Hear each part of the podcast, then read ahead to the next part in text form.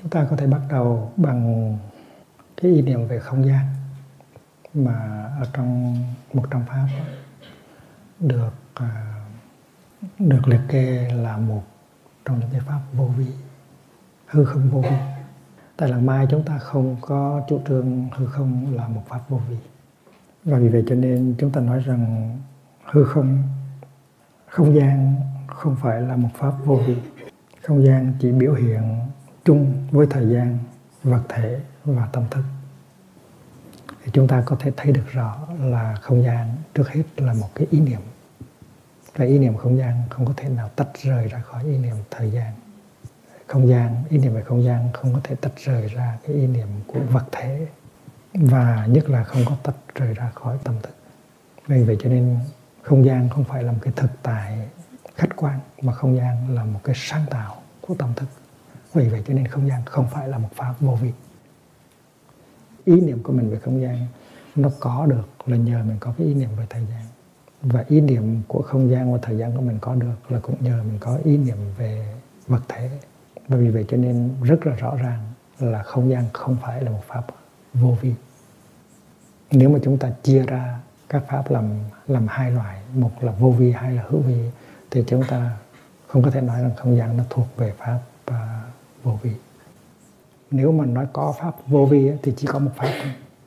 Đó là niết bàn, đó là chân nhân, đó là cái từ tỉnh không sinh, không diệt nó là nền tảng của tất cả các pháp. Nếu chúng ta cần phải phân biệt các pháp, thì chúng ta nói rằng tất cả các pháp đều là hữu vi, chỉ trừ một pháp là không hữu vi thôi. Đó là niết bàn. Thì cũng như là tất cả các lực sống ở trên biển đều có lên có xuống.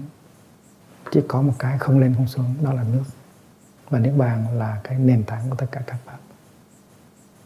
Nhưng mà tới đây chúng ta thấy rằng cái sự chia các pháp ra làm hai, thành hai loại. Một loại là hữu vi, một loại là vô vi.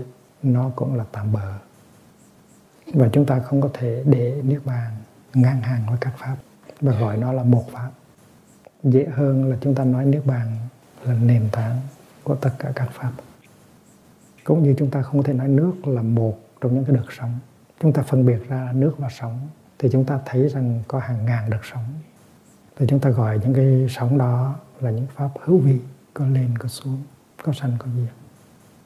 Có một cái pháp không sanh, không diệt, không lên, không xuống, gọi là nước. Và chúng ta cho nước là một pháp, và chúng ta đặt nước lên ngang hàng với sóng đó là một sự sai lầm. Sóng với nước không có thể đặt ngang hàng thì đứng về phương diện niết bàn và các pháp à, hữu vi cũng như vậy. Và chúng ta đã học đủ để có thể thấy rằng đứng về phương diện hiện tượng các pháp đều có sinh có diệt có có có không có còn có mất. Đó là đứng về phương diện hiện tượng mà nói đứng về phương diện tích môn mà nói. Còn đứng về phương diện bản môn đó, thì các pháp không sinh không diệt không lên không xuống không tới không đi ví dụ như cái bông cúc này. Bông cúc là một pháp hữu vi.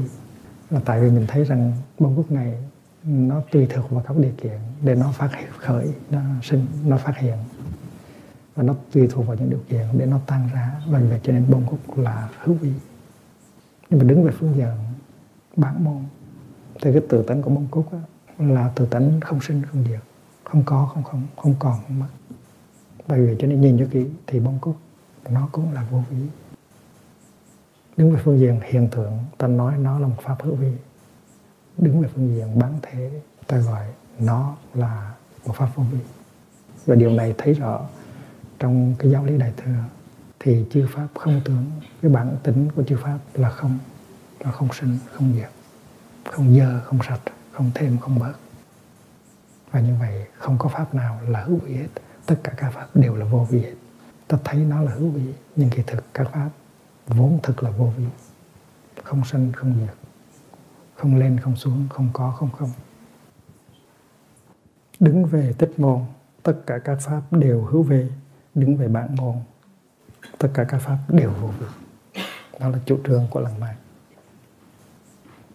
và vì vậy cho nên ta thấy được rằng vô vi không phải là một pháp mà vô vi là cái nền tảng của các pháp. Và có những nhà thần học cơ đốc giáo đã từng tuyên bố rằng thượng đế là cái nền tảng của hiện hữu. Thì đi rất gần tới cái quan niệm vô vi, niết bàn. Nếu mà nói rằng thượng đế là nền tảng của hiện hữu, thì cũng gần, cũng giống, cũng gần giống hệt như nói rằng là nếu bạn là cái bản môn của tất cả các, những cái cái mà mình gọi là sinh diệt. Và đi tìm nước bàn không phải đi tìm ngoài cái sinh diệt. Và trong sinh diệt nó có nó có niết bàn. Sinh diệt chẳng qua chỉ là những cái ảo giác của mình. Sự thực á, bản chất của bông cúc hay là của đám mây nó là niết bàn nó là vô sinh bất diệt. Thì trong đạo phật nó có cái thấy đó và có sự chấp nhận đó. Là tất cả các pháp hữu vi đều dựa trên một pháp vô vi mà có mà biểu hiện đó là niết bàn nhưng mà vô vi không phải là pháp riêng biệt. Vô vi là cái chiều sâu của hữu vi và tiếp xúc được với hữu vi, tức là thấy được cái tính vô vi của tất cả các pháp không rời tích môn, mà vẫn tiếp xúc được với bản môn. Bản môn nó nằm trong tích môn. Còn trong cơ đốc giáo nó vẫn còn có sự khó khăn của một số các nhà thần học là mình là tạo vật. Và tạo vật không có thể nào được lẫn lẫn lộn với đấng tạo hóa. Là thượng đế là thượng đế, mình là tạo vật. Cái câu tuyên bố của nhà thần học kia là thượng đế là nền tảng của thực hữu. Thì được hiểu như thế nào? Ở trong đạo phật thì rất rõ là cái không sinh diệt nó nằm ngay trong cái sinh diệt.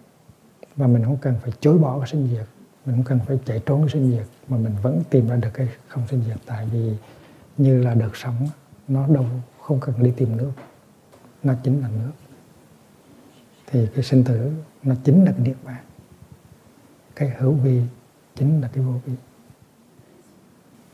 Đã có những nhà thần học bước tới và nói rằng mình chính là thượng đế. Thượng đế chính là mình. Thượng đế chính là cái gốc gác, cái bản chất của mình.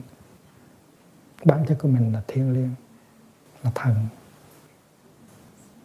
và cái khuynh hướng cho rằng thượng đế là nguyên nhân của của mọi vật. Và cái nhân nó là một cái gì, nó được tách rời ra cái kết quả. Cái nhân là cái gì nó nó không phải là kết quả. Thì cái điều đó nó không có phù hợp với là cái quán chiếu, cái nhận thức của đạo Phật. Tại vì trong đạo Phật, cái nhân với cái quả không phải là hai quả là thực tiếp nó của nhân và nhìn vào trong quả mình thấy nhân và trong đạo Phật chúng ta nói tới cái chân như duyên khởi. Chân như duyên khởi là chân như như là một cái điều kiện. Nó làm phát sinh ra tất cả mọi mọi sự mọi vật. Và chân như nó giống như là nhân và vạn hữu, tức là quả nhưng mà trong đạo Phật rất là rỗng ràng rất là thông suốt tức là chân như không phải làm cái gì có ngoài, có mặt ngoài ngoài vạn hữu và nếu mà tiếp xúc vàng hữu cho nó sâu sắc, thì mình tiếp xúc được với chân như và vì vậy cho nên để niết bàn ngang hàng với các pháp khác là một cái sai lầm. Chia các pháp ra làm hai loại. Một, những cái pháp hữu vi là khác, những cái pháp vô vi là khác, cũng là sự sai lầm. Tức là đứng về phương diện hiện tượng, đứng về phương diện tích môn, thì các pháp là hữu vi có sinh có diệt có có có không có còn có mất. Nhưng mà đứng về phương diện bán môn, đứng về phương diện bán thế thì từ thân của các pháp là không sinh, không diệt không có, không không không đi, không tới. Và đó là cái điều mà chúng ta thấy ở trong tâm kinh bát nhã.